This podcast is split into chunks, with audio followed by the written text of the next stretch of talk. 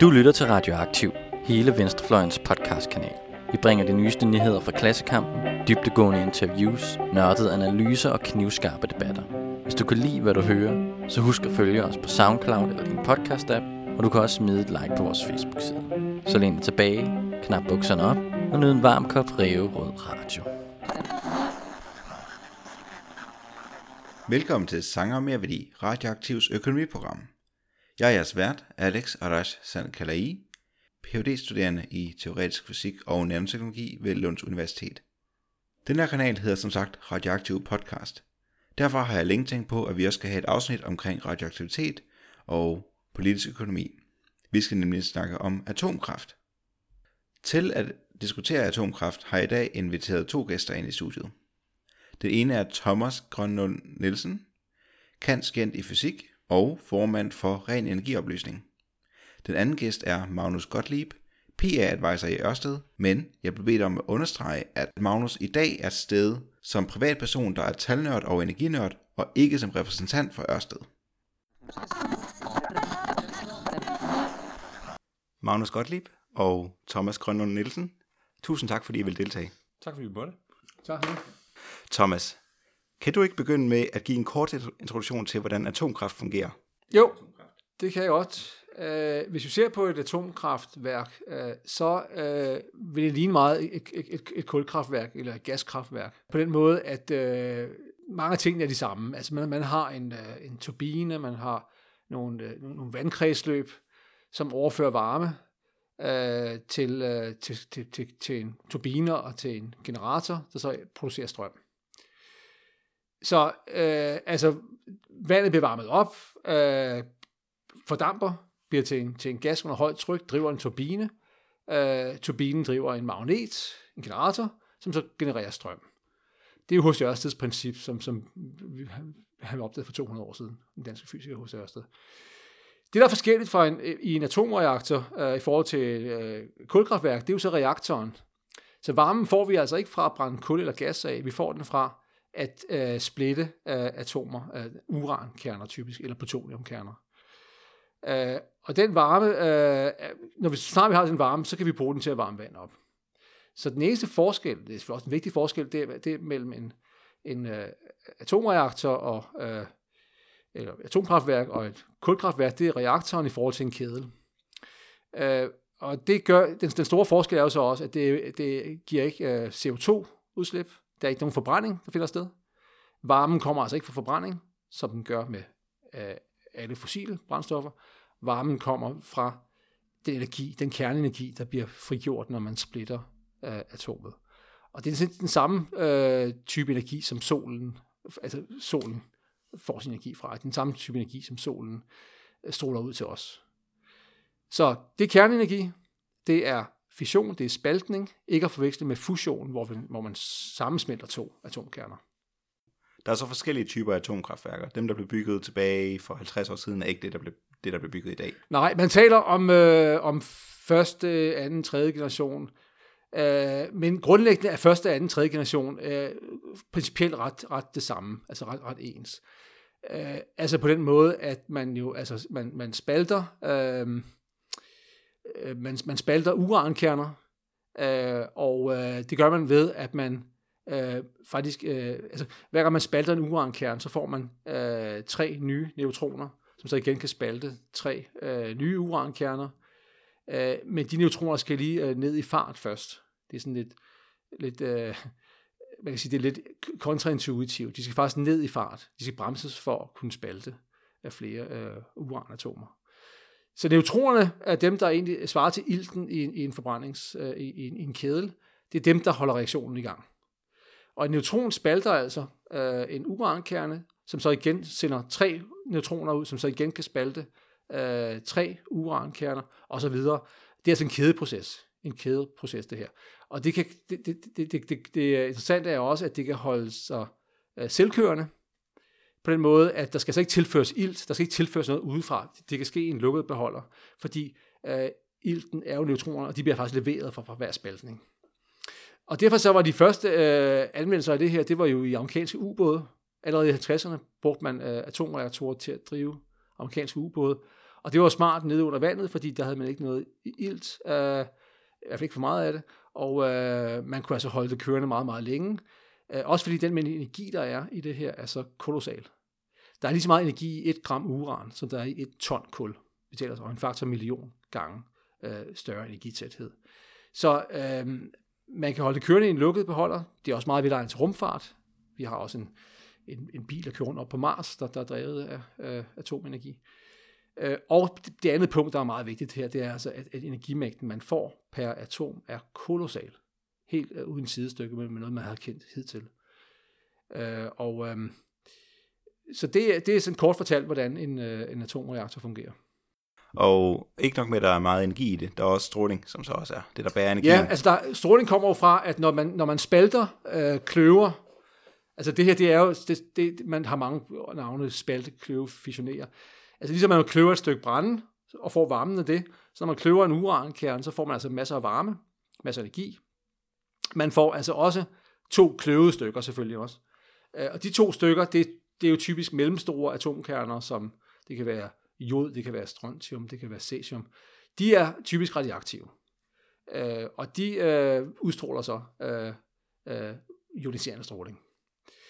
Øh, og det er altså det biprodukt, som vi får. Det kan, det, det, det, det, er en, det, er, det kan vi ikke undgå. Det er et, et nødvendigt biprodukt, vi får af, af atomreaktorer.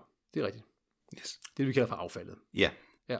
Og når der så er alt det her med stråling fra atomkræfter, atomkraftværker, så en bekymring, som måske kunne være op i folks hoveder for tiden, det er HBO-serien, øh, der gjort det populær, Chernobyl. Ja, Der er øh, for nogle år tilbage Fukushima, Ja. og længere tilbage så er der Three Mile Island. rigtigt. Så moderne atomkraftværker, ja. Ja. den moderne måde at bygge den på, Ja. hvor sikre er det? Det, som vi så kalder for fire generationsværker, og det er altså det, der, der, der principielt er noget, er noget nyt i forhold til de, de, de, de konventionelle atomkraft. Det er øh, reaktorer, hvor man øh, indbygger sikkerheden og affaldshåndteringen, så den bliver en, ligesom en fast bestanddel af reaktoren. Altså lige så fast bestanddel som naturlovene. Det vil sige, sikkerheden, øh, affaldshåndteringen, øh, er lige så sikker som, som naturlovene. Så det, det svigter ikke. Altså tyndekraften svigter jo ikke, fordi øh, strømmen går, vel, øh, eller nogen laver menneskelige fejl. Så sikkerheden bliver, øh, bliver, bliver, ligger i, fys- i, i de fysiske naturlove. Og det er det nye øh, man, man, med de nye reaktorer, at, at, at, at, øh, at, at sikkerhed og affaldshåndtering bliver meget mere øh, designet ind fra starten af i reaktoren. Det blev det ikke dengang, men altså, så det vil sige, de, de reaktorer, der kører i dag, er, er sådan set alle sammen grundlæggende, øh, hvad hedder det, øh, designet tilbage i 50'erne og 60'erne. Med få modifikationer, med mere sikkerhed bygget ovenpå. Øh, men men det, det der, der, der sker nu med fjerde generation, det er altså en fundamentalt ny måde at lave øh, reaktorer på. Så man burde egentlig kalde det for øh, nuklear øh, version 2.0. Altså det er, en- det er simpelthen nu, øh, det, det er en ny øh, en, en, en ny generation af reaktorer. Og det er det, som, som vi har øh, selskaber i Danmark, øh, Seaborg øh, Technologies, vi har Copenhagen Atomics, som, som altså ser på her og har gjort en, en overrække nu, og som de faktisk har høstet stor øh, anerkendelse og interesse øh, fra, fra udlandet øh, her øh, øh, i de senere år her. Magnus, du har jo også i din fritid sat dig lidt ind i atomkraft. Har du noget at tilføje, eller kan du genkende det her billede af sikkerheden? Ja, det er jeg sådan set enig i. Øhm, man, man, man får altid de her øh, billeder for det indre blik af forfærdelige atomkatastrofer. Du nævnte de, de tre historisk set største, og måske også, også mest relevante at tale om i den her sammenhæng. Øhm, gjort øh, ekstremt aktuelt lige nu af, af serien på HBO, hvor man jo ser forfærdelige, forfærdelige strålingsskader. Øh, mere eller mindre realistisk afbildet. Øh, det skal jeg ikke gøre mig klog på. Men målt i historisk menneskelig dårligdom, om jeg så må sige, øh, hvor mange mennesker er, er omkommet ved, ved ulykker ved, på atomkraftværker, øh, hvor mange øh, gode menneskelivsår øh, reducerer atomkraften, så står øh, atomkraften i den øh, langt pæneste ende af, af, af klassen. Øhm, kulindustrien fremhæves tit som den aller, aller værste synder, både fordi man har øh, kulminer rundt om i verden, som bliver drevet under ikke altid lige forsvarlige forhold for, for arbejdssikkerheden, og videre, fordi at når man, når man forbrænder især kul, øh, har man bare mange steder i verden store luftforureningsproblemer, der følger øh, deraf. Så der er ingen tvivl om, at, at målet på øh, sådan samfundssundhedsniveau er atomkraft, øh, har histori- øh, atomkraft i hvert fald historisk vist sig at være et, et ganske fint øh, alternativ, øh, ganske rent. Øh, sikkerhed, synes jeg, vi lige skal nævne, kan jo også opdeles i flere elementer. Øh, dels er der selvfølgelig øh, risikoen for, for ulykker og og stråleskader og øh, hvad ved jeg. Øh, men sikkerhed, øh, på, på engelsk har man jo også øh, distingueringen mellem, mellem security og, og safety. Safety værende øh, den, den direkte fare for liv og lemmer. Security værende øh, måske en mere strategisk overordnet sikkerhed for, kan vi nu være sikre på, hvis vi baserer en væsentlig del af vores energiforsyning på atomkraft, at vi også har en uranforsyning, vi på lang sigt kan, kan sikre, og at vi, øh, at vi også kan med atomkraft få vores energisystem til at levere stikstrøm øh, i stikket, selv når der er Champions League fodboldfinale, øh, også 5, 10, 15 år ude i fremtiden, med alle de geostrategiske ændringer, øh, vi kan se i fremtiden. Skal jeg være ærlig, har jeg nu ret god tillid til det. Den eneste reelle udfordring, jeg ser nogle steder, heldigvis ikke så meget her i, i Europa, det skulle være, hvis man lader øh, fremmede magter, som man måske ikke er så interesseret i at invitere indenfor i kritisk infrastruktur, få en finger med i spillet. Jeg læste for nylig om, at man i Tyrkiet er gået i gang med at opføre øh, en, en række ret store, øh, helt sprit nye øh, reaktorer, øh, med det russiske atomselskab Rosatom som hovedinvestor og som hovedleverandør. Øh, er det en god idé? Det skal jeg ikke kunne vurdere. Det må være øh, Tyrkiets øh, egne øh, sikkerhedseksperter, der skal vurdere, hvorvidt det på lang sigt er smart at have russiske ejere til sine atomkraftværker. Jeg kan bare godt se for mig, at det her i Danmark måske, eller i Europa, vil, vil vække lidt bekymring, hvis det var dem, der skulle ind og investere. Men som sagt, øhm, udbuddet af, af urankilder rundt om i verden er trods alt nogenlunde øh, diversificeret. Altså kort sagt, det er ikke en enkelt forsyner, der leverer, som det for eksempel i høj grad er med olie. Og der findes også øh, en europæisk eller en, en, en, en i godsøjne øh, vestlig atomindustri, som vi måske har lidt mindre at frygte geostrategisk for. Så med andre ord, øh, menneskelig sikkerhed for liv og lemmer, tjek. Øh, geostrategisk, tjek atomindustri, som vi har kontrol over. Tjek. Ja, jeg vil mene, det er en sikker energiform. Hvad er de største leverandører af materiale? Er det USA, eller? Så vidt jeg husker, er øh, Nigeria en ret væsentlig. Altså, er uran brændsel? Mm-hmm. Øh, altså, det er Australien, der har de første, største forekomster af uran. Øh, lande som øh, Canada, Grønland er faktisk også, øh, Norge har store forekomster af thorium. Altså, vi, vi kommer ikke til at være i fare for at blive afhængige af, af, af nogle få lande øh, i, altså, med, med, med uranbrændsel.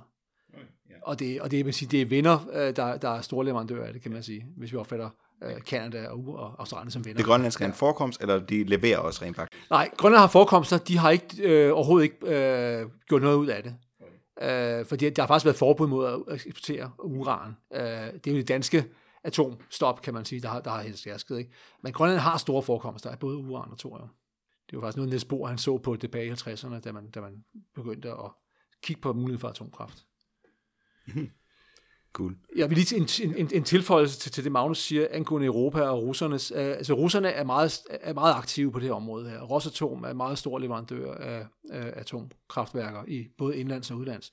Og faktisk er Finland, øh, som jo får bygget et værk af franske Areva her øh, i Sydfinland, de er, der er dannet et, øh, en, en, et erhvervskonsortium, som vil have bygget en yderligere reaktor op i Nord- og Midtfinland.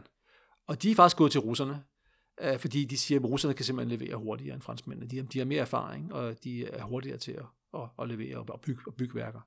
Så, så der er altså også øh, lande tæt på os, der faktisk øh, tager øh, Rusland ind, og det kan man godt, øh, øh kan man godt stusse lidt over, fordi vi jo ellers, vi jo ellers opfatter Rusland, eller nogen af os i hvert fald, som, som jo også en, en, en strategisk, øh, øh, ikke sige fjende, men altså i hvert fald en, en udfordring, ikke? Så, øh, må jeg lige få skyde en kommentar ind der? Det, det er jo egentlig lidt ærgerligt. Nu kan jeg, nu kan jeg høre Magnus, at jeg er sådan set ikke så forfærdelig uenig her. Jeg må, og der, der må jeg bare sige, at jeg har faktisk i, i fem år nu deltaget i den offentlige debat i det her, og jeg har endnu ikke lykkes mig og, og få en, en atomkraftmodstander til at stille op til en, til en duel. Øh, det, den opfordring her med givet videre, fordi det vil jeg meget gerne. Øh, øh, af en eller anden grund, så har man forsøgt at tige det her emne ihjel i mange, mange år. Og, og det er det, vi egentlig har oplevet i, øh, i Reve, som jeg er formand for, i mange, mange år. Først her de sidste 3-4 år er der faktisk begyndt at komme liv i debatten igen, og det er jeg rigtig glad for, og, og derfor vil jeg også sige tak for, at I har inviteret mig ind til det her. Selv tak, og nu sagde du selv, du er formand for REVE, Ja, og det står for ren energioplysning. det gør det. Et af de argumenter, I har fremført, er, at atomkraft ud- udleder relativt lidt CO2, Rigtigt. og derfor vil være, ifølge jer, godt i forhold til øhm, klimakrisen. Til at, Ja, det udleder, øh, altså det, det udleder lige så lidt CO2 øh, som, som vindmøller og solceller, så, så vi, vi, vi har en sådan en, et slogan, hvor vi kalder det for CO2-fri energi, og det mener vi faktisk, vi kan stå fuldt indenfor. Det er, øh, og det er faktisk noget, vi var overrasket over at se i en meningsmåling, vi lavede for nogle år siden, at det ved ikke engang halvdelen af danskerne, at atomkraft er CO2-fri. Så der er enormt behov for oplysning på det her område, øh, og det er jo også det, vi øh, egentlig står for. men Magnus, kan vi så nå at bygge atomkraftværker i den hastighed, det kræver rent faktisk at gøre noget ved klimakrisen? Øhm, lad os starte med at sige, at øh, klimakrisen er en kæmpe udfordring. Det er måske den, den største udfordring, vi har her i dag. Jeg var så sent som i dag til en konference, øhm, hvor øh, det blev fremhævet nede fra World Economic Forum, hvor de hvert år laver en Global Risk Analysis. Altså de spørger simpelthen verdens erhvervsledere, politiske ledere etc. Hvad er de største risici, vi har i verden i dag? Og i år for første gang er klimaforandringer rykket ind i centrum. Det er klimaforandringer, som er øh, den mest presserende umiddelbart udfordring, og det er klimaforandringerne, som i virkeligheden er en, en driver og en multiplikator for mange af de udfordringer, vi ellers ser. Øh, migrationsudfordringer bliver større på grund af klimaet. Øh, sult bliver øh, mere problematisk på grund af klimaet. Øh, vi, vi har en helt lang række andre globale udfordringer, ufred etc., som alle sammen bliver påvirket direkte af klimaforandringerne.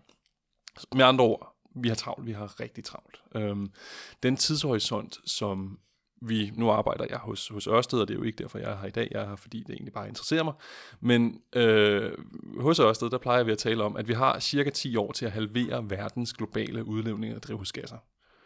Og øh, når, man, når man kigger på sådan en global kurve over, hvor hurtigt det går med udledning af drivhusgasser, og i øvrigt hvilken vej det går, så er den jo øh, steget mere eller mindre konstant siden tidernes morgen, i hvert fald siden vi har nogenlunde valid data på den, øhm, siden industrialiseringen, kort sagt.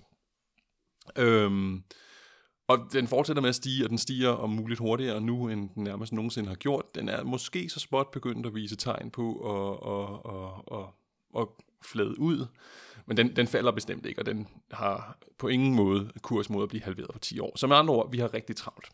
Nu siger jeg specifikt 10 år, fordi en af de ting, jeg, jeg for nylig fremhævede som en udfordring med atomkraft, det er, øhm, det tager bare rigtig lang tid øh, at udvikle. Jeg er så med på, at når man først ligesom har sat samlebåndet i gang, så kan man spytte de her atomreaktorer ud relativt øh, hurtigt.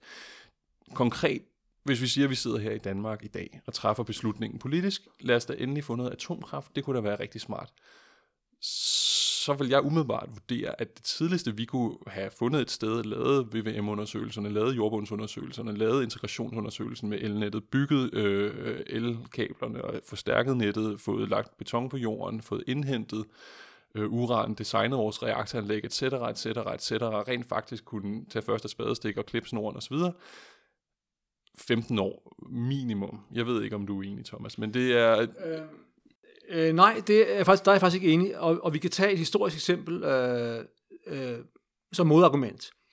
Øh, for nu nævner du næsten selv 15 år. Øh, og det er faktisk præcis den, den periode, som det tog Frankrig at, øh, at decimere sin, sit CO2-udslip fra deres elforsyning. Fordi franskmændene, fra, øh, fra, da oliekrisen startede i 75 og frem til 1990, øh, byggede 54 øh, reaktorer øh, i Frankrig, som står for 80% af deres elforsyning. Og det er jo CO2-fri energi, og der oplevede man altså, at, at, at øh, Frankrigs øh, elsektor gik altså fra næsten 100 til 0 på, på 15 år. Men, men det er jeg sådan set enig i. Altså, det var en fantastisk rejse, de var på. Jeg tror nu, der har været nogle historiske andre årsager også til, at det kunne gå så relativt hurtigere sammenlignet med, hvad det ville gøre, hvis vi startede fra nul i Danmark i dag. Men lad os nu sige det. Øhm, atomkraft kunne sandsynligvis blive relevant ned ad vejen. Jeg tror bare, at min pointe er, at hvis vi i morgen vil gå ud og gøre noget for klimaet, så har vi lyst til at gøre noget, der går stærkt, og vi har lyst til at gøre noget, der virker, og vi har lyst til at gøre noget, som vi har råd til. Vi vil gerne have mest mulig grøn energi for pengene. Og det er, det er måske der, Thomas og jeg er mest uenige. Øhm, altså, jeg plejer at sige, øhm, atomkraft er en herlig teknologi. Den er ganske, jeg ved ikke, om jeg vil bruge grøn, men den er i hvert fald CO2-fri. Øhm, og den er stabil, og den fylder ikke noget, og du kan jo nærmest tage den i lommen. Øhm, og øh, alt er godt. Problemet er, at det i hvert fald, hvis du starter fra fra nul, som vi vil gøre i Danmark, eller som vi måske reelt vil gøre i det meste af Europa i dag, så er den bare ekstremt dyr. Øhm, altså, øh, fint nok, det kan det godt være, at når vi skal gå fra, fra de 70% CO2-reduktion til de 100% CO2-reduktion her i Danmark efter 2030, hvad ved jeg, atomkraft kunne måske blive relevant. Jeg tror det personligt ikke. Jeg tror, det tager for lang tid, og jeg tror simpelthen, det, det koster for mange penge sammenlignet med, med, med grøn energi, vind og sol. Ja, fordi prisen på vind og sol er jo også faldende. Kunne man sige, at den tidsskala, hvor det tager at bygge et atomkraftværk, der når prisen vinder sol falder så meget, at det ikke kan betale sig?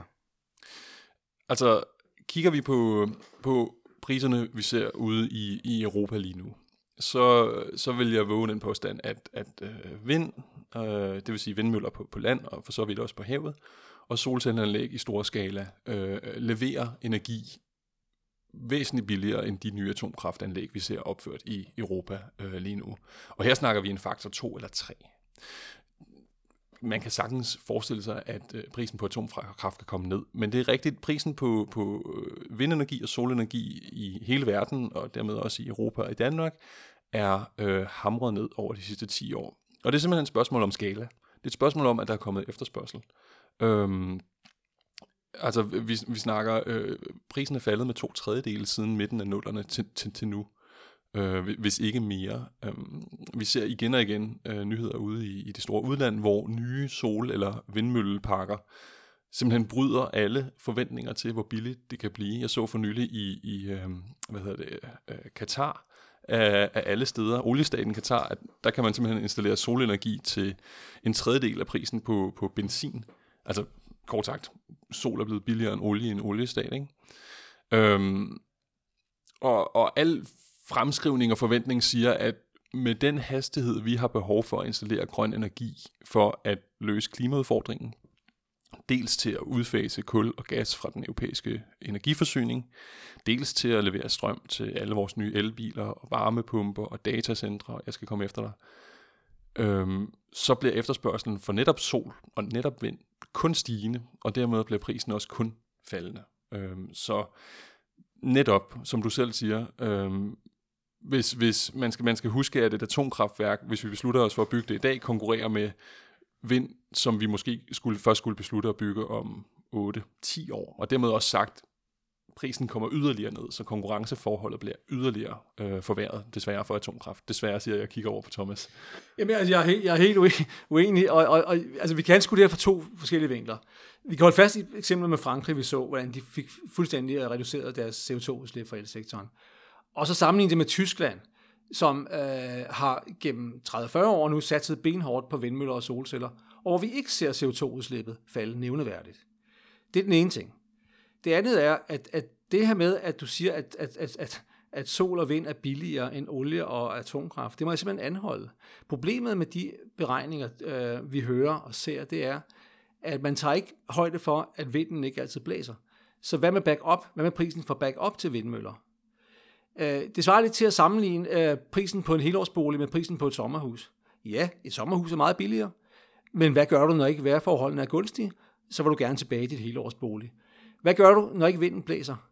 Så skal vi have batterikapacitet, så skal vi have batteribackup. Det er svimlende dyrt. Det har jeg selv hørt en vestersmand sige øh, øh, offentligt. Så problemet med øh, den øh, måde, vi gør vindmølleprisen op på, øh, det er, at den simpelthen ikke øh, medregner backup, medregner distribution. Og så jeg må simpelthen bare anholde den her påstand om, at, at vind og sol er så billigt. Hvis det var så billigt, så havde vi for længst set olie øh, og, og fossile brændstoffer blive erstattet med vind og sol, fordi vi har i 30-40 år talt om, nu skal vi omstille til, lige siden jeg var øh, lille dreng, øh, har vi talt om, nu skal vi omstille til, til, øh, til sol og vind. Og det er ikke sket. Magnus, vil du svare på, har du et svar på prisen først, og så kan vi gå videre til... Ja, jamen, i, i, virkeligheden, i virkeligheden så, så kunne vi jo få hele aften til at gå med, med, med prisen. Sagen er, at det i virkeligheden er, at det mest afgørende, nu skal man selvfølgelig passe på øh, ved at sidde her på en, på en øh, venstreorienteret radio og sige det, men, men markedskræfterne er trods alt ret gode til at finde ud af, hvad der, hvad der er smartest. Øh, I hvert fald, hvis man har et, et, et, et sæt love, der, der regulerer dem ordentligt. Øh, så langt tror jeg, vi kan blive enige. Øh, og, og, og det er da helt korrekt. Øh, alene prisen for, hvad koster en kilowatt-time strøm, der kommer ud af en vindmølle, er øh, som regel et dårligt mål for den samlede omkostning ved et energisystem. Mm. Det kan vi godt enes om. Mm. Øh, men vi kan vel også enes om, at hvis vi har et energisystem i dag, lad os, lad os som tankeeksempel tage et energisystem, der er baseret 100% på et kulkraftværk. Mm. Og jeg så kommer og stiller den første vindmølle op, og den vindmølle leverer strøm, som er billigere end prisen på kul, kort sagt. Ja. Så er der jo ikke øh, umiddelbart nogen omkostning ved at øh, levere det. Altså kort sagt, integrationsomkostningen ved den første vindmølle er lav. Problemet opstår, når du begynder at have rigtig mange vindmøller. For ja. alle vindmøllerne producerer deres strøm, når det blæser, og de producerer ikke noget strøm, når det ikke blæser. Og så er det, vi taler om, okay, hvad gør vi så? Det er, øh, det er, det er det faste punkt i de her debatter, og det er øh, spændende. Min påstand er nu, for det første, vi er ikke nået til det punkt endnu, hvor om, integrationsomkostningerne ved vind er synderligt høje i Danmark. Og det kan lyde utroligt, for sidste år havde vi næsten mere end halvdelen af vores strøm fra vindmøller. Ikke desto mindre kan jeg bare konstatere, at vi har strøm i stikket hele tiden. Vi har øh, nogle af Europas billigste elpriser i Danmark, og det er selv inklusiv støtte til vind. Øh, vi er også godt stillet. Grunden til, at vi kan gøre det smart i Danmark, er, at vi er godt connected til vores øh, naboer mod nord og syd, og dermed kan trække på for eksempel norsk og svensk vandkraft, når vinden ikke blæser. Øh. Men kære venner, det er jo trods alt bare den virkelighed, vi lever i. Øh, og af samme årsag, så synes jeg også, at argumentet om, at ikke alle kan gøre ligesom Danmark, ikke er så relevant, når vi diskuterer energipolitik i en dansk eller nordvesteuropæisk kontekst, fordi vilkårene bare er, som de er. Kan vi få mere vind ind i systemet? Ja, det, det vil jeg da mene, vi kan. Så vi begynder at forbinde os bedre til udlandet. Vi begynder at have alternativer, som ikke kun er lagring. Biogas, bioenergi, øh, vind og sol i forbindelse, og så har vi nogle, øh, nogle øh, pumpede lagre i, øh, i i vandkraftværkerne nordpå, etc. Alle de ting vil jeg mene, man kan få til at hænge sammen. Der er tal for, hvad det koster at integrere vind. EA Energianalyse har, har regnet på det. Og EA er? Ja, undskyld, EA det er et øh, analysebureau inde i, i byen, der laver energianalyser. Det de gør, som er ret smart, synes jeg, det er, at de kigger på, okay, hvad er gennemsnitsprisen for strøm i Danmark? Det er ligesom omkostningen ved at lave en energiforsyning, der fungerer hele året. Hvad er så gennemsnitsafregningsprisen på el? Den er lavere, fordi når det blæser meget, så falder elprisen, fordi mange vindmøller laver strøm, og så begynder de store kraftværker at skrue ned for øh, produktionen, og så falder elprisen. Hvad er forskellen mellem gennemsnitsprisen og prisen på vind, altså vindstrøm? Der er ungefær 8-10 øres forskel. Det svarer til 20-25 procent af elprisen det vurderer de så, det er det bedste umiddelbare mål, vi har for prisen på, om, på at integrere den her energi. Og selv når man lægger den til prisen på vindstrøm, så kommer vi stadigvæk ikke i nærheden af, hvad atomkraftværker bygges til i Europa. Men nu siger du, at vi har de billigste priser. Altså mig bekendt har vi som forbrugere nogle af de høje, jeg tror også, vi har de højeste priser. Vi, vi betaler næsten 2,5 kroner for en kilowatt-time i Danmark. Øh, når jeg, I mit sommerhus i Sverige betaler jeg 60 procent af det. Øh, så vi har jo ikke billig strøm i, i, øh, i Danmark. Nej, vi har ikke billige elregninger i Danmark. Ej. Vi har billig strøm. For 60%, hvis ikke mere, af den elregning, det er jo penge til staten. Og det har ikke noget med vedvarende energi at gøre. Det er et spørgsmål om, at vi har vel regulere elforbruget. Men, men, men, men altså nu her senest på finansloven har jeg set, at man, man, man, man har altså også et tilskud på 8 milliarder kroner til CO2-fri energier. Og der får vindmøller nok løvens andel. Uh, det står ikke, det er ikke specificeret på finansloven. Så vi, altså, det, hvis, hvis det var sådan, at vind og sol var, var konkurrencedygtige, så, så forstår jeg ikke, at vi skal blive ved med at give milliard tilskud til det. Nej, men det, det, det, det giver jeg dig ret i. de milliardtilskud, vi giver, noget af det går til vind, noget af det går til andre teknologier, noget af det er mig bekendt. Noget går til biobrændsel, som backup til vind, ikke? Øh, nej, biobrændsel har i virkeligheden en afgiftsfritagelse, så vidt jeg husker. Nej, det undskyld, du har Der står- ret. der står jo i det, du har finansloven, det- Du har ret. Ja. Biobrændsel får også øh, nogle penge. Det gjorde man, fordi man ønskede at skifte kullet ud med, med bæredygtig biomasse. Mm. Du har helt ret. Vi giver penge i støtte til vind og til sol i Danmark. Hvordan kan det så være billigere, spørger du? Jamen, det er jo fordi, de penge, vi giver, har vi lovet i støtte tilbage til midt-90'erne i virkeligheden. Øh, så, så for at overhovedet få denne her bold til at rulle med vindmøller, med solceller og med forskellige bioenergier i Danmark, der har man jo der har man jo sagt, fint nok, hvis du stiller en vindmølle op, så får du noget støtte i x antal år. Og det giver vi stadigvæk. Og det kommer vi stadigvæk til at give nogle år endnu. Men når man kigger på, hvad nye vindmøller sættes op til i Danmark, så er der altså støtteniveauer, som er next to nothing, for nu at sige det som det er. Men gjorde vi det samme med atomkraft, øh, også at give støtte til atomkraft? Altså, øh, hvis, vi, hvis staten øh, gav garantilån til at bygge atomkraftværker, så vil det være øh, langt, langt billigere. For jeg tror, det du er, øh, viser, det du, det du hensyder til, det er Hinkley Point i, i England, ikke? Også, hvor Ja, og Flamanville og hvor prisen er, er f- for høj. Det giver dig ret i. Øh, og, og grunden til, at den er det, øh, stort dels vedkommende, det er simpelthen fordi, at, øh, at øh, når man skal bygge atomkraftværker, så er der en kæmpe politisk risiko. Og den risikopræmie, du skal have, nu bliver vi lidt tekniske med økonomi, men den risikopræmie, du skal have, gør, gør det så meget dyrere. Øh, altså når, når, når investorer skal investere i atomkraft, så skal de have en kæmpe risikopræmie, fordi at vi ved politisk, at det er et, et, et præsent område, og vi kan risikere, at politikere trækker sig ud af det halvvejs ind i investeringen. Det er derfor, det er dyrt at bygge uh, atomkraft uh, i Europa. Uh, og, og der er jo ikke noget i et atomkraftværk, der, der iboende er dyrt. Altså materialeforbruget uh, forbruget er langt, langt mindre, end det er for, for vindmøller. Så når jeg siger, det er grønt, så er det ikke kun fordi, det udleder- ikke udleder CO2. Det er fordi, at du, og det har jeg, øh, det har jeg også dokumenteret i min bog, du bruger langt mindre beton øh, per, per energienhed leveret. Altså 10 gange mindre for, per, øh, for øh, atomkraft i forhold til vindmøller. Du bruger 500 gange mindre stål øh, øh, per energienhed leveret. Altså vindmøller er, øh, og jeg er ikke mod vindmøller, skal jeg lige understrege, men vindmøller er, er meget, meget materialetungt. Det er jo en kæmpe mastodonter, vi stiller op i landskabet. De bruger enorme mængder stål, øh, beton. Det skal man lige huske at få med, når man ser på det her også. Så øh, plus at vi også, de også bruger øh, sjældne jordarter, vi, vi, er nødt til at importere fra Kina. Atomkraft er ligesom IT, det er, der, er ikke, der, der er meget lille materialebehov. Der, øh, og det ligger jo igen i, at der er så, øh, lige så meget energi i et gram uran, som der er i et ton kul, så vi bruger meget lidt materiale. Øh, det, der er dyrt, øh, det er know-how, ligesom det er med IT i øvrigt også. Der er ikke noget materialmæssigt, der er dyrt i et atomkraftværk. Men, men nu siger du det jo selv. Det, som afgør prisen på en energiform, om det er så værende vindmøller, eller solceller, eller atomkraft, eller noget som helst andet, det er skala. Kort sagt, hvor meget af det stiller vi op hvert år? Problemet, vi har i Europa lige nu, er, at der ikke er skala i atomindustrien. Der bliver stillet et atomkraftværk op rigtigt. hver andet tredje år. Det er korrekt.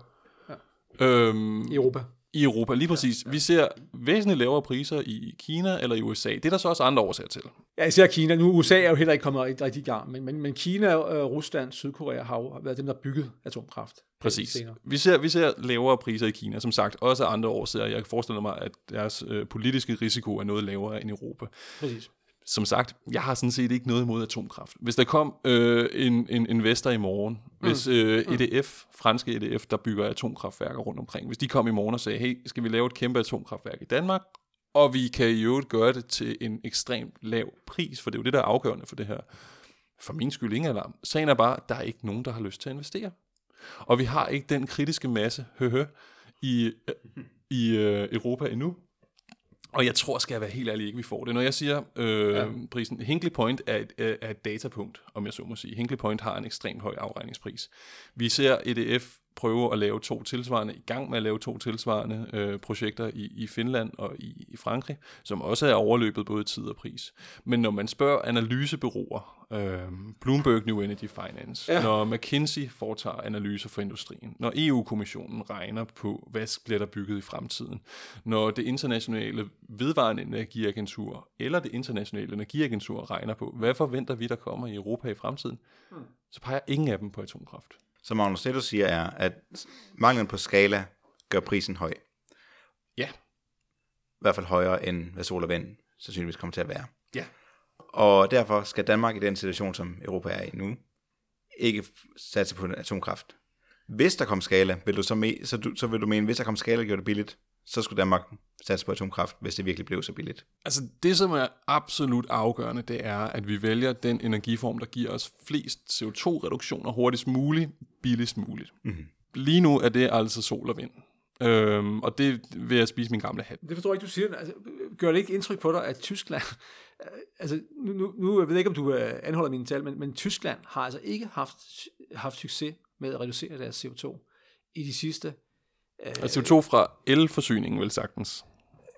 Øh, ja, altså nu til, i hele taget. Øh, men, men, men, men CO2-reduktion fra elforsyning, det må jo være den relevante parameter her.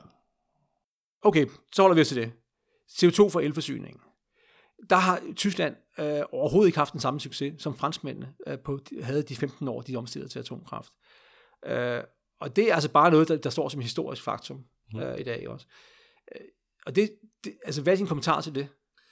Øhm, jamen, jeg, jeg, jeg er fuldstændig enig i, at Frankrigs atomboom i, fra, fra 1980 til 95 var øh, fuldstændig exceptionelt, historisk set. Aldrig er der blevet installeret så meget atomkraft, aldrig er CO2-aftrykket fra elforsyningen banket ned så hurtigt. Okay. Øhm, de valgte jo netop at tage springet og sige, nu, nu skal vi have den her kritiske masse, nu er det bare det, vi går all in på. Meget imponerende. Altså det er jo en, en fransk månelanding, kan man sige. Ikke? Og de nyder jo også godt i dag af, at de har en kæmpe flåde af 58 reaktorer okay. stående, ja. som er øh, afskrevet, og nu bare spytter dejlig, øh, billig og CO2-fri strøm ud hurra for det. Altså, stor fan. Rigtigt. Ja. Intet imod det. Ja. Øhm, Tyskland derimod har også installeret atomkraft, holdt op med det på et tidspunkt, har sidenhen tvangslukket en stor del af deres atomkraftværker, og den ja. energiproduktion er for en stor dels vedkommende blevet overtaget af, af kul.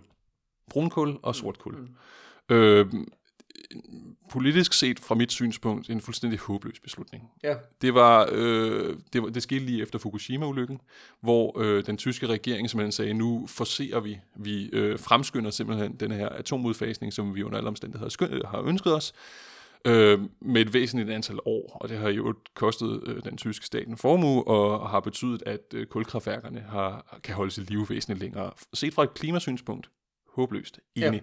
Ja, det er vi. Men men jeg anerkender simpelthen ikke, at vind og sol ikke har betydet en væsentlig CO2-reduktion, både i Tyskland og for den sags skyld i Danmark. For i 1990, for nu 30 år siden, der udledte en, en gennemsnitlig kilowatt-time strøm her i Danmark vel 460-500 gram CO2 per kilowatt-time. Er det meget?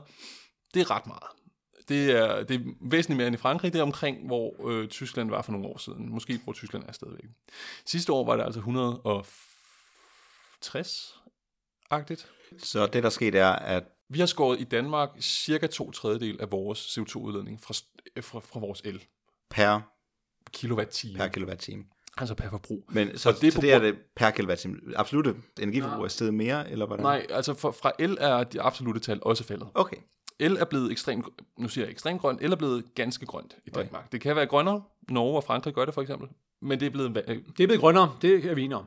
CO2, altså jeg, med, med jeg bestrider plus, ikke, plus 65 procent. Altså jeg bestrider ikke, ah, nu, vores tallene, altså du, du sagde 50 procent, jeg, jeg mener, at tallene er 40 procent for uh, elforsyning fra vindenergi. Nå, øh, okay. Det er korrekt. Men, men, men vi, vi er enige om, at, at, at jeg bestemt, og som jeg også sagde tidligere, øh, sol og vind er også CO2-frit. Det er helt sikkert. Sol og vind er også CO2-frit. Det jeg bare siger, det er, øh, at, at, at sol og vind har den ulempe, at vi, vi gør os uafhængige af vejret og, og hvor, hvor vi simpelthen er nødt til at have backup. Når ikke vejrforholdene er gunstige, så skal vi have backup. Øh, og det, det, det er for mig lidt problemet med, det, det svarer lidt til at gå tilbage til tiden før dampmaskinen, ikke? hvor vi også var afhængige af vind og vejr i vores energiforsyning. Da vi fik dampmaskinen, der fik vi den velsignelse, at vi kunne tænde og slukke. Vi kunne køre 24-7, vi kunne køre konstant, uafbrudt, dag og nat, hele året rundt. Og det, det er et moderne industrisamfund, altså afhængig af, at vi kan. Øh, problemet med, med vind og sol er, at det, at, at, at, at, altså det leverer jo, så vinden blæser. Og det er, det, det, det er CO2-frit, og vi, vi får reduceret vores CO2, absolut. Øh, men, men vi får en, en, en og, og jo mere vi skal lære vind, vind op, jo mere får vi en ustabil. Øh, fordi selvom vi har, har, har havde vindmøller til at levere 100%, så vil, vil vi nogle gange gå fra 100 til, til 0. Ikke? Så har vi pludselig ingen vind, øh, øh, vindmøllestrøm leveret. Og så skal vi have backup. Så skal vi altså kunne levere pludselig de 100% for, for, for andre ting. Og det er, der, det er der for mig, at, at, øh, at, at vind er godt i en, en begrænset mængde, men jo større du bygger det, øh, jo mere ustabil gør du vores forsyningssikkerhed. Og det er der, hvor jeg mener, at vi er i Danmark, at vi er simpelthen øh, nødt til at gøre op, øh, hvor meget mere vind skal vi have, hvis vi skal holde et stabil øh, hvad hedder, energiforsyning. Og det leder videre til næste spørgsmål, som er fremtidens elnet. Øh, Magnus, jeg har hørt snak om de her Power-to-X-teknologier. Hvad er det? Power to X, det er jo øh, det, er jo det helt store uh, buzzword, modeord i, i energisektoren i disse år. Grundlæggende så er det en paraplybetegnelse for, for teknologier, som kan tage noget energi, typisk i form af strøm, og øh, bruge den energi til at spalte vand. I kender alle sammen fysik-eksperimentet, hvor man stikker øh, to elektroder ned i et glas med vand, og så bobler det op, fordi øh, hvad hedder det, strømmen adskiller øh, vandatomerne til, til deres bestanddele ilt og brint. Øh, ilten er vi sådan set ret ligeglade med, den kan vi slippe ud i atmosfæren. Den er der rigeligt af allerede. Brinten derimod er jo en ekstremt øh, potent energibærer, som enten kan bruges i, i ren form, i brintbiler for eksempel, eller i brændselsceller, eller man kan, man kan konvertere brinten øh, gennem forskellige kemiske processer til, til andre typer brændstof. Øhm, ty, for eksempel kan man, kan man lave metanol, øhm, som er en kulbrinte, der kan, der kan laves til andre brændstoffer. Øhm, det kan være flybrændstoffer eller diesel, øh, diesel-lignende stoffer. Eller man kan lave ammoniak, som øh, er en forbindelse, der for eksempel kan bruges i, i skibsfarten i fremtiden. Med andre ord, Power to X er en samlet betegnelse for teknologier, der kan tage strøm, og det kunne være strøm fra, fra vindmøller eller atomkraft for ja. den sags skyld, og lave, lave den strøm, gemme den strøm i enten flydende eller gasform som, som brændsler, øhm, der så er bæredygtige. Altså med andre ord, brændsler, der ikke kommer ned fra, fra jorden. Og, og det er jo ekstremt smart. Hvor effektive kan de være? Altså, der er jo et energitab. Øhm, der er et energitab, når man laver, når man laver brint, og der er et energitab, når man laver den brint til, øh, til et andet brændsel, og der er et energitab, når man så laver det brændsel til for eksempel kinetisk energi i en øh, forbrændingsmotor.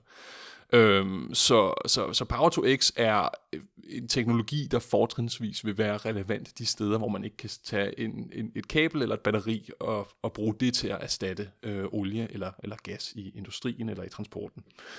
Elbiler er smarte, men øh, el-lastbiler eller el-containerskibe, så langt er vi måske ikke helt nået endnu, der kunne Power to X for eksempel være relevant. Hvor effektivt, øh, ikke synderligt i virkeligheden. Øh, Thomas, du må lige rette mig her, men jeg vil vurdere, at man, man let smider over halvdelen af, af energien væk i hele processen fra vindmølle til motorblok. Men, det er rigtigt. Det gør man.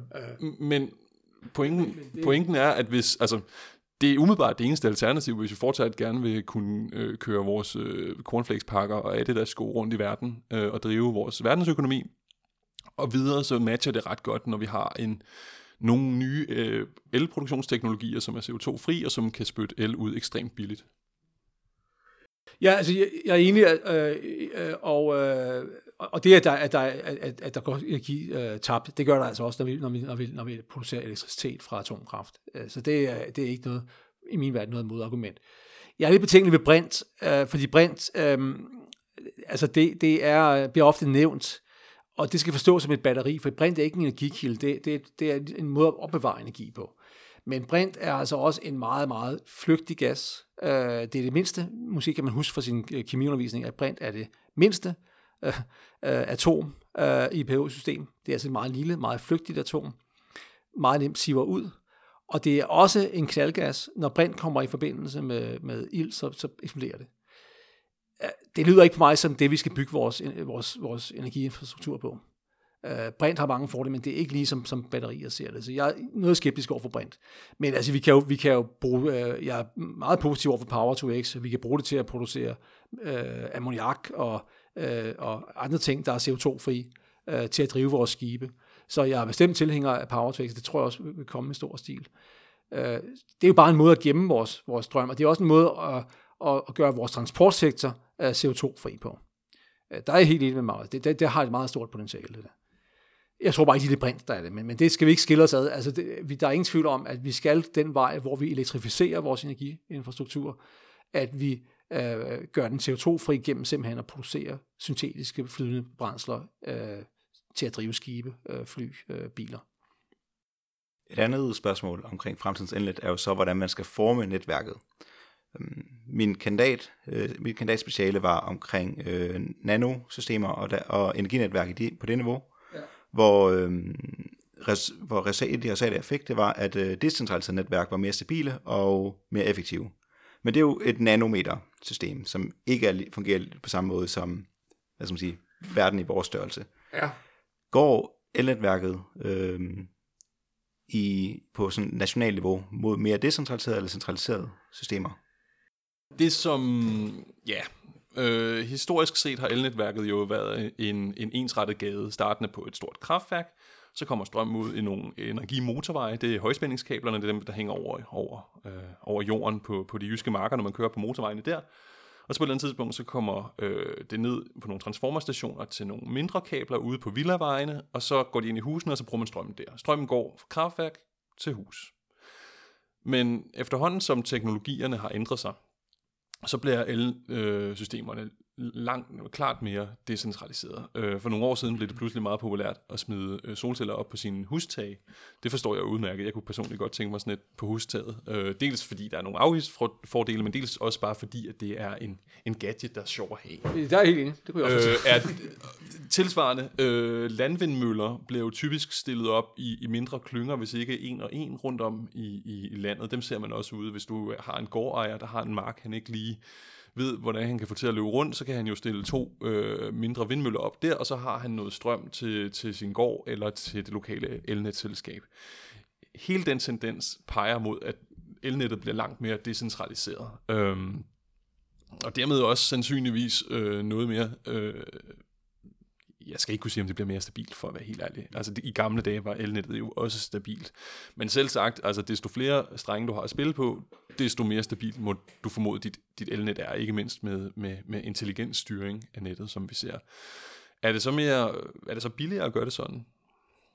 altså, alle, alle grundlæggende økonomitimer vil lære dig, at øh, hvis du skal stille solceller op, og du skal have mange af dem, så er det smartere at stille dem op et sted, end at stille dem op på 100 hustag. Simpelthen fordi, så skal du have stigen frem 100 gange og kravle op på 100 forskellige tage. Øh, det er ikke nødvendigvis den billigste måde at gøre det på, men hvis det kan være med til at fremme en klimabevidsthed ude i befolkningen, hvis det pludselig kan blive et statussymbol at have grøn energi på sin carport, og måske en elbil i, øh, nedenunder, for min skyld ingen alarm.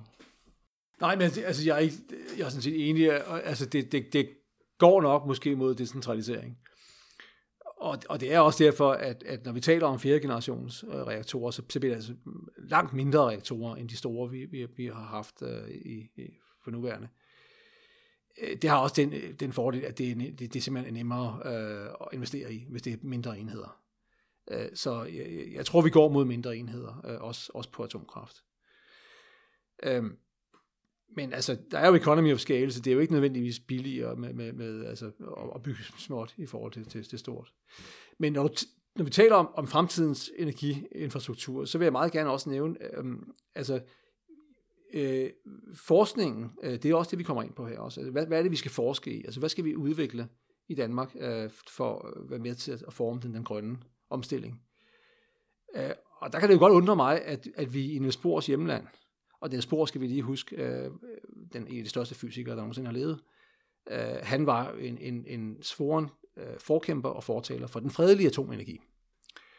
Øh, og det var det, vi fik Rigsø på osv. Der, der er det jo mærkeligt i hans fædreland, at vi øh, øh, i Danmark er øh, omtrent det eneste i-land, der ikke har en forsøgsreaktor. At vi har simpelthen ikke noget statslig forskning i atomkraft, og ikke haft i mange, mange år. Øh, det synes jeg er mærkeligt. Fordi jeg kan godt, selvom man øh, er, er, er mod at bygge atomkraftværker i Danmark, så kan vi jo sagtens forske i det og, og udvikle øh, den nye type, som, som, øh, som der bliver efterspurgt i stor stil i, i Fjernøsten, hvor man skal have mere og mere energi Ikke? Øh, og det er lige præcis Seaborgs øh, øh, approach til det her. Altså, vi, vi ser ikke på det danske marked, vi ser simpelthen på, på markedet i Indonesien og lande, der, der har voksne energibehov som ikke kan bruge sol og vind, også, også på grund af vejrforhold, monsuner osv., men som har brug, skrigende behov for, for enorme mængder energi. Øh, og hvorfor skulle vi dog ikke øh, udvikle det i Danmark og sælge til, til, til, til, til, til, til Fjernøsten, selvom vi ikke vil have, atom, have atomkraft på dansk grund. Så det er der, hvor, vi, hvor jeg prøver at appellere til, til, til energiminister Dan Jørgensen, og vi har faktisk prøvet, at, og vi har en, lidt en debat kørende i Ekstrabladet, hvor, hvor man har spurgt øh, Dan Jørgensen, øh, hvorfor ikke forske i det her? Altså også selvom vi ikke vil have bygget atomkraftværker, hvorfor så ikke i Niels Bohrs fædreland, hvor vi var pionerer engang, øh, blive det igen, og sætte ja, vi taler måske bare om, om, om 100 millioner, øh, sætte samme beløb af til at forske i atomkraft, som vi bruger til at forske i vindmøller. Det synes jeg ikke lyder urimeligt. Fordi øh, igen, vi taler altså om noget, der, der har så kolossalt potentiale. Altså igen, vi er tilbage ved, et gram uran har lige så meget energi. Eller thorium, et gram thorium har lige så meget energi som et ton kul. Så vi har et kæmpe potentiale her.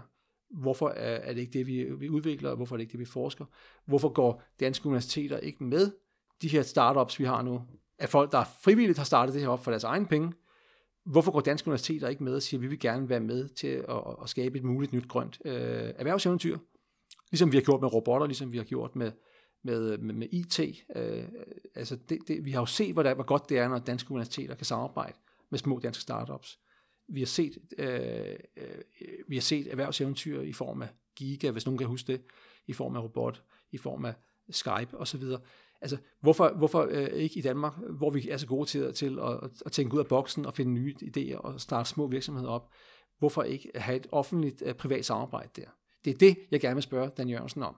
Øh, for jeg ved godt, at hans parti er imod øh, atomkraftværker på dansk grund, men øh, kunne man ikke tage at prøve at, at genoverveje, om det ikke var, var, var noget at være med i et nyt øh, grønt erhvervseventyr der. Nej, men jeg er sådan set mm, ganske enig. Jeg ved ikke, om tallet 100 millioner er for meget eller for lidt. Det skal jeg heller ikke gøre mig klog på. Øhm, men jeg er stor tilhænger af, lad os da endelig øh, forske i det. Danske Seaborg Energy, øh, som, som mig bekendt bor her på, på Nørrebro, øh, opkaldt efter Søborg, Søborg ja. så vidt jeg husker, det er i navnet.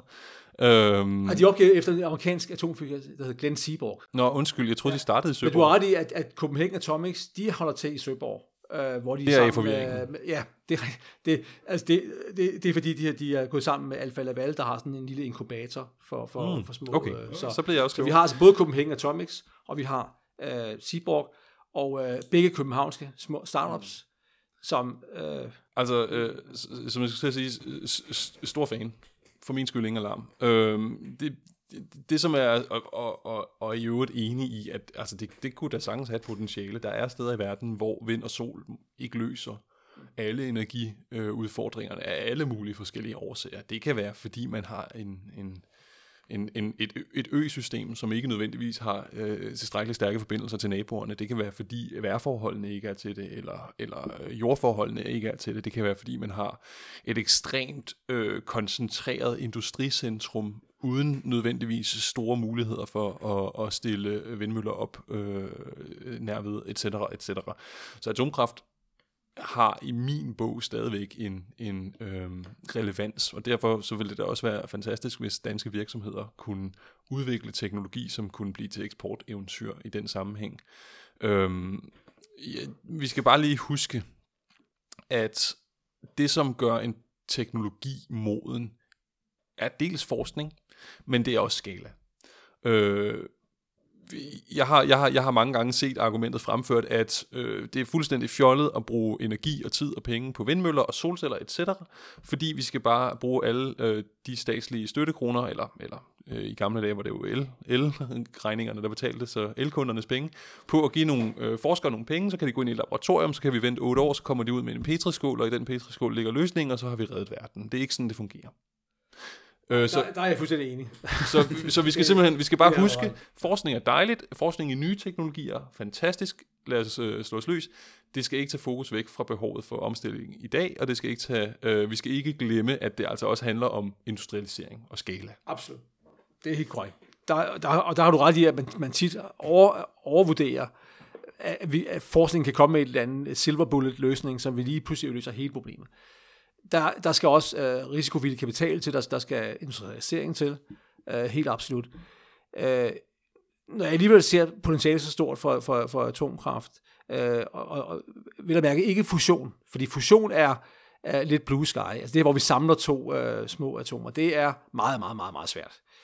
Fission, thorium, uran, smeltede saltreaktorer, øh, altså fjerde generationsreaktorer, der taler vi altså om noget, som vi har en, en, en lang historik i, at, at der allerede er blevet lavet forskningsarbejde i. Øh, at, og øh, tidligere blev det lukket ned øh, i USA på grund af, at man ikke, det ikke var godt til at producere atomvåben. Det er jo en omvendt logik, vi har i dag.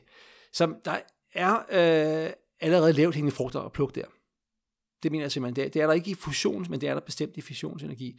Det har været bare øh, politisk udskammet, og derfor er der ikke sket ret meget i, i Vesten i mange år. Men øh, det er ved at åbne op nu igen, og, og der er, det kan jeg altså godt stå inden for som, som fysiker, der er simpelthen øh, nogle lavt hængende frugter at hente, at hente der. Øh, men du har helt ret, at vi skal, vi skal ikke undervurdere, det tager, tager til længere tid, end vi tror. Øh, og og øh, igen siger jeg ikke, at vi løser lige det her på, på, på fem eller ti år, men hvorfor dog ikke, hvorfor dog ikke udvikle det her? Hvorfor dog ikke være, være, være med, når vi har sådan en stolt tradition i Danmark, for at finde gode, brugervenlige, menneskevenlige løsninger? Fordi problemet med atomkraft, vi kommer sådan set hele tiden tilbage til, at, at problemet, det største problem med atomkraft, det er, at folk er bange for det. Og det kan jeg ikke komme udenom. Altså, jeg kan nok så meget stå og sige, at I skal ikke være bange for det. Prøv at se på statistikken her. Men folk er bange for atomkraft. Øh, og det er øh, politisk, øh, og det er politik, politik, der fordyrer atomkraft. At man er bange for det, at der ikke, altså investorer er også bange for at gå ind i det, fordi det politisk er, er betændt, og man kan opleve, at, at, at snart der sker en ulykke, så vil folk ud af det igen. Så vi kommer helt tiden tilbage til, at, at folk er bange for det her, og det kan vi ikke komme udenom. Det er det største problem ved atomkraft. Øh, man er bange for det. Det er, ligger måske i det nye og ukendte, og det er jo en ny, ny teknologi det her. Øh, og der må jeg bare sige, at, at der har vi som danskere været rigtig gode til at, at, at lave brugervenlighed, altså netop inden for IT, øh, hvor brugervenlighed er alfa og omega, det har Danmark været rigtig gode til. Vi ser det med robotter nu, hvor danskere har været gode til at lave små, fleksible robotter, som, folk, som ikke er farlige for, for, for folk at arbejde ved siden af. Øh, altså vi ser jo, et, vi ser jo et, et roboteventyr i, i Odense nu, altså syd for Odense, i syd, på Sydfyn. Ikke? Vi er gode til at lave ting, der er menneskevenlige, brugervenlige i Danmark. Og derfor så ser jeg, at vi har en stor rolle at spille i at gøre atomkraft mere brugervenligt, mere menneskevenligt. Magnus, det synes som du gerne vil sige noget? Øhm, nej, jeg, jeg, jeg kunne tænke mig at spørge, fordi jeg, jeg, jeg er sådan set ganske enig. Altså fremtidsvisionen om en 100% sikker thoriumreaktor, der kan bygges ind i en 30-fods container og smides af på, på kajen i Manila og køres ud på landet og så levere øh, billig og, og stabil strøm til en landsby med 4, 5, 6, 7.000 husstande altså, what's not to like i virkeligheden. Ja. Øhm, jeg tror bare, jeg tror bare, som du selv siger, vi skal, vi skal, vi skal ikke foregøjle os selv, at det er lige om hjørnet. Nej, det skal vi Altså, hvad, øh, hvad er skalaen? Er det 10 år, 100 år? Altså, hvad taler vi? Men det, det svarer jo lidt til, altså der hvor vi er, det, det svarer lidt til der, hvor vi var med Apollo-projektet i 1961, 62, da John F. Kennedy kommer og siger, det her skal ske inden årtiet om. Ikke? Fordi øh, det, man vidste der, og det, som, som, øh, det var, at vi kan bygge en raket, der kan flyve til månen. Det, der er spørgsmålet, det er, hvor sikkert er det? Øh, hvor god er vores navigationer? Det var egentlig meget øh, ingeniørløsninger, man, man, man, man, man, man manglede. Ikke? Og, og, og det, det er jo et spørgsmål om penge og politik. Hvis du kommer som politiker og siger, jeg vil have, at det skal ske, jeg står inden for det her, og han, man, man, man får kongressen med, jamen hvis der er penge og politik bag det, så kan det ske meget hurtigt. Det så vi med Apollo-projektet. Hvis der ikke er, så trækker det ud og trækker ud i en evighed. Så, så vi er der, hvor, hvor øh, øh, altså, vi har egentlig øh, designet, vi har fysikken bag det, vi skal bare have, ikke bare, men det, det er ikke bare, men vi skal have lavet ingeniørløsningerne. Øh, og, og så det minder for mig meget om, hvor vi var med, med, med Apollo-projektet i 1962. Hvis, hvis, der er politisk, hvis der er politisk vilje for det her, så kan, vil det ske. Så kan det ske. Og det er jo de her thoriumreaktorer. Det, for eksempel thorium, ja. Uh, thorium er, er, er en god løsning. Uh, jeg tænker især på smeltede saltreaktorer, altså fordi der, der er vi over i noget, uh, Øh, jeg ved ikke, hvor meget jeg skal gå ind i det, det er jo lidt teknisk, men, men en smeltet er grundlæggende forskellig fra de reaktorer, vi kender i dag. Og forskellig på sådan en måde, at man simpelthen bygger sikkerheden ind i, i naturlovene. Altså for eksempel, så har man ikke et overtryk inde øh, i en, en saltreaktor, fordi man har, behøver ikke at have overtryk. Man bruger ikke vand som, som, som, som, som drivmiddel som, som øh, kølemiddel. Øh, og det er jo grunden til, at vi skal have overtryk i en, i en konventionel reaktor, det er jo fordi, at, at vand ved 400 grader er, er på dampform, medmindre vi har overtryk. Men i en, øh, i en smeltet saltreaktor vil du altså øh, ikke bruge vand, øh, du vil bruge smeltet salte, øh, så brændslet bliver pludselig flydende, øh, og, og både flydende brændsel og drivmiddel på samme tid. Så det svarer lidt til at gå fra en, fra en dampmaskine, hvor du bruger vand, til en dieselmotor, hvor, du, hvor dieselen er både, altså både drivmidlet og, og brændslet. Og, så vi undgår det høje tryk. Øh, og det er, jo, det er jo godt, fordi det, der sker, problemet med det høje tryk, det er, at hvis der opstår en læk, og det gør der jo altid på et eller andet tidspunkt, så siver det radioaktive øh, stof ud i omgivelserne, og så, så er fanden løs. Ikke? Det, det, det, det kan vi simpelthen ikke have. Øh, vi skal have bygget nogle reaktorer, hvor vi ikke får radioaktivt udslip af nævneværdig grad. Og derfor skal vi bygge nogle reaktorer, hvor der, hvor der ikke er overtryk, og hvor der ikke bliver håbet masser af gasser op, inden, øh, radioaktive gasser op inde i, i, i, i reaktoren. Og der er vi tilbage ved den smeltede saltreaktor, fordi øh, der, sammen, der vil man simpelthen binde øh, de radioaktive gasser kemisk i saltet.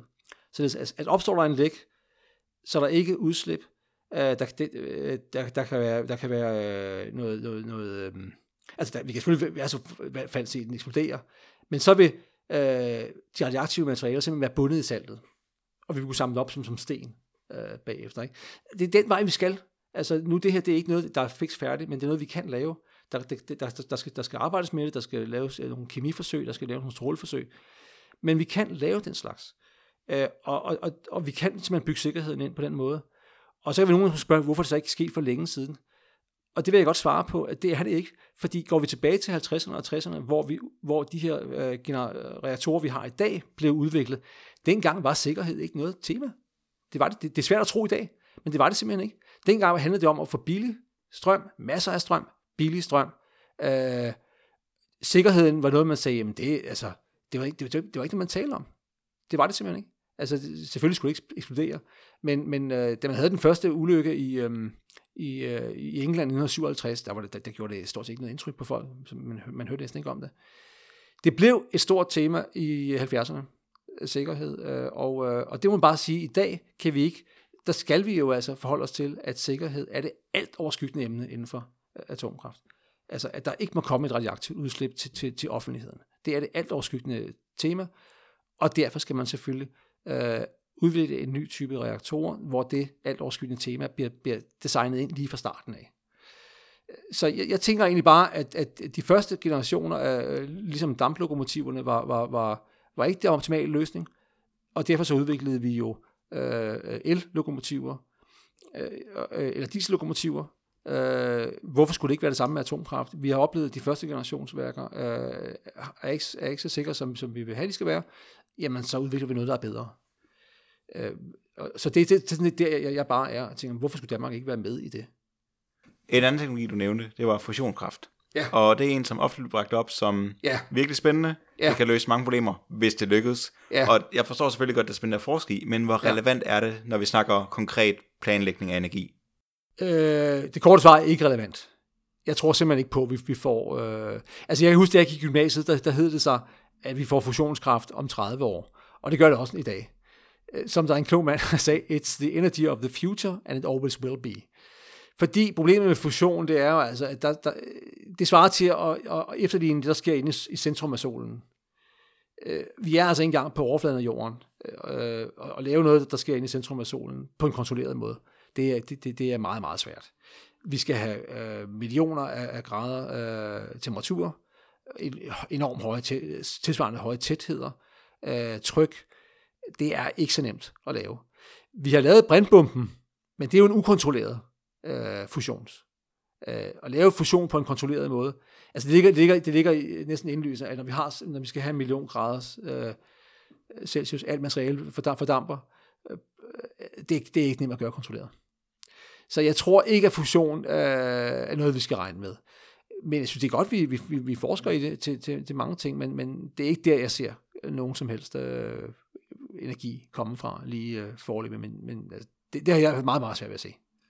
Jeg, jeg er helt enig. Fusionsenergi er helt objektivt noget, vi ikke skal, skal regne med, i hvert fald. Øhm, og, jeg, og, og årsagen er sådan set dels, at det har været 30 år ude i fremtiden, de sidste 50 år men også at vi simpelthen bare har mere travlt. Øh, vi kan ikke regne med, at der sker et mirakel over på den anden side af næste øh, bakke eller årti, om du vil. Øh, vi er simpelthen nødt til at øh, sætte hårdt ind på alle de øh, løsninger, vi kender og som vi ved fungerer. Det er også derfor, jeg her til aften har været så stærk fortaler for, for sådan noget som sol og vind. Mm. Det skal siges, at jeg er jo så ikke fortaler for sol og vind alene, jeg er fortaler for et fleksibelt og effektivt og gennemtænkt og sikkert etc.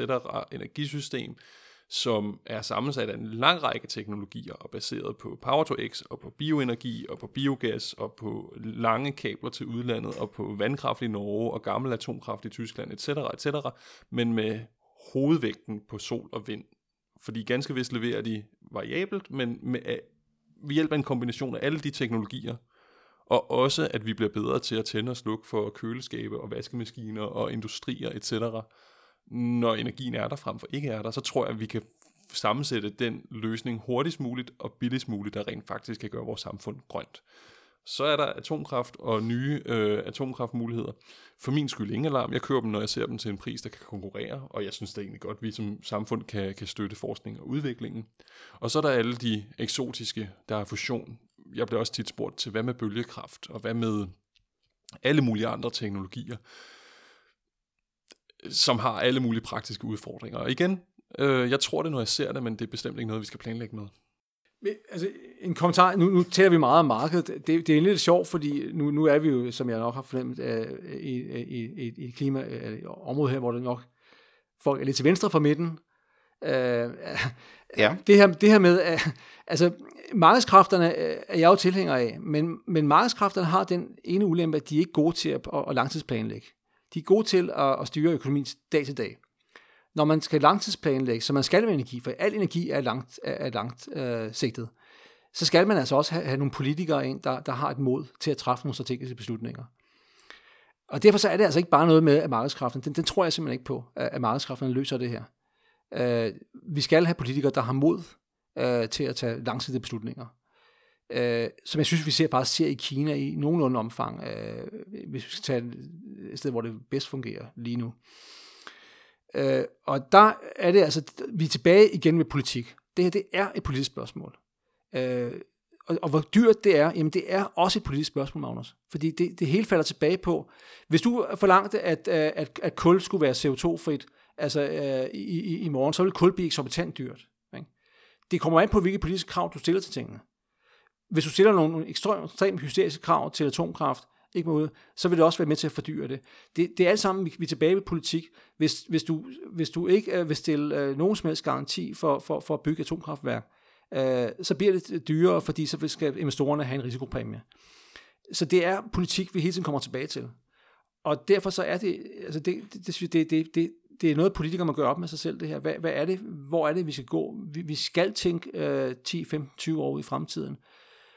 Og igen må jeg bare øh, ligesom forholde mig til, at, at, at franskmændene har simpelthen vist vejen her. Franskmændene, hvis hele verden gjorde som Frankrig, gjorde fra 1975 til 90, så ville vi dramatisk øh, nedsætte vores øh, CO2-udslip. Men, men hvorfor er det så, at Frankrig nu udfaser atomkraft til fordel for for eksempel vindenergi? Jamen, det er jo, det er jo politik igen. Altså, du, du, du har en ny... Jeg vil så sige, det, det, det går også lidt op og ned. Altså, der har været en periode oven på Fukushima-ulykken, det er rigtigt, hvor, hvor politikere har været i Europa generelt mod øh, atomkraft.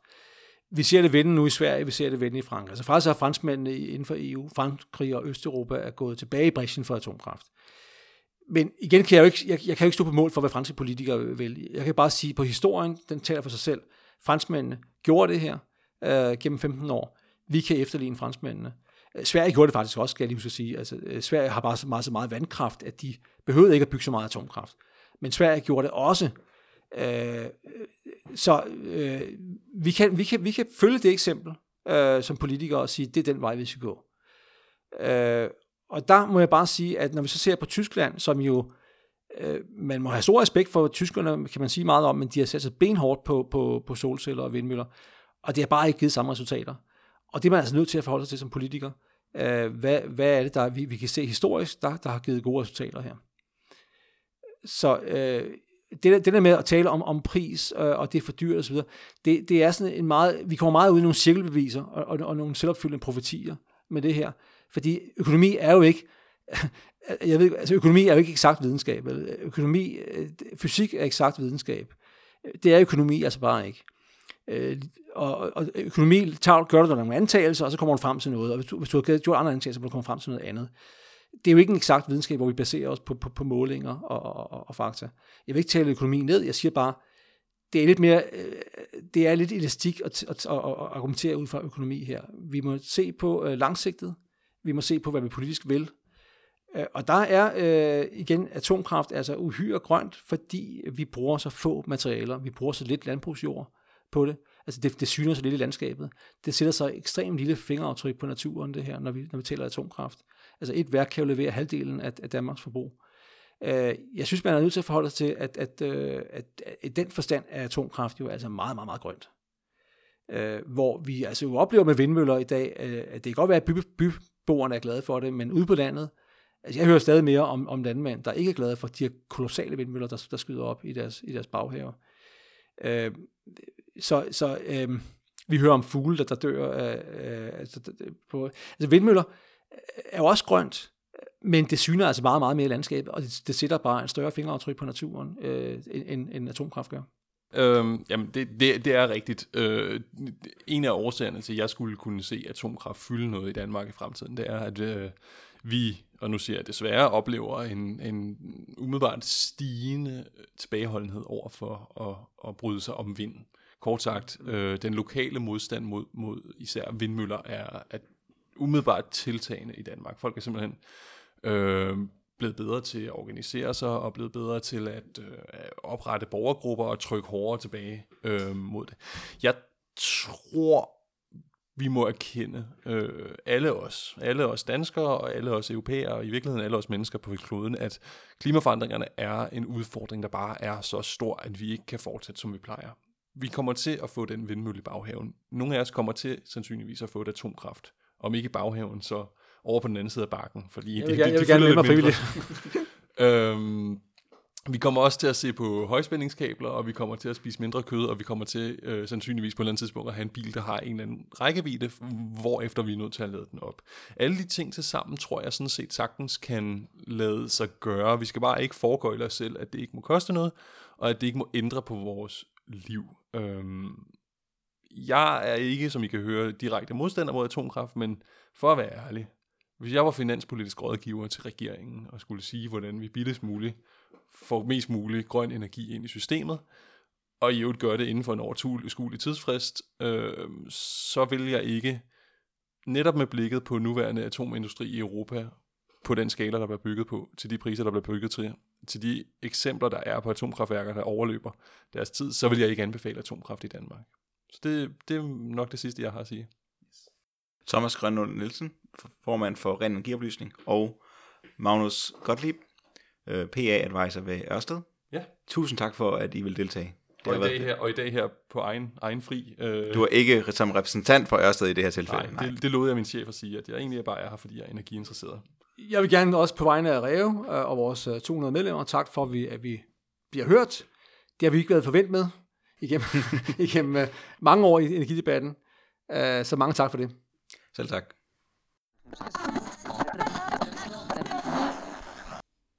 Tak for, at du har lyttet med til dette afsnit af Sanger Mere Værdi. En økonomiserie fra Radioaktiv Podcast. Du kan finde Radioaktiv Podcast på Facebook og Twitter, og vi er også en del af mediehuset Solidaritet, som du kan finde på solidaritet.dk. Derinde kan du også finde andre afsnit fra den her serie, flere andre podcastserier, og masser af spændende nyheder og analyser af verden omkring os. Vi anbefaler dig at gå ind på hjemmesiden på solidaritet.dk. Tjek indholdet ud, og måske overveje at blive medlem. Ha' det godt.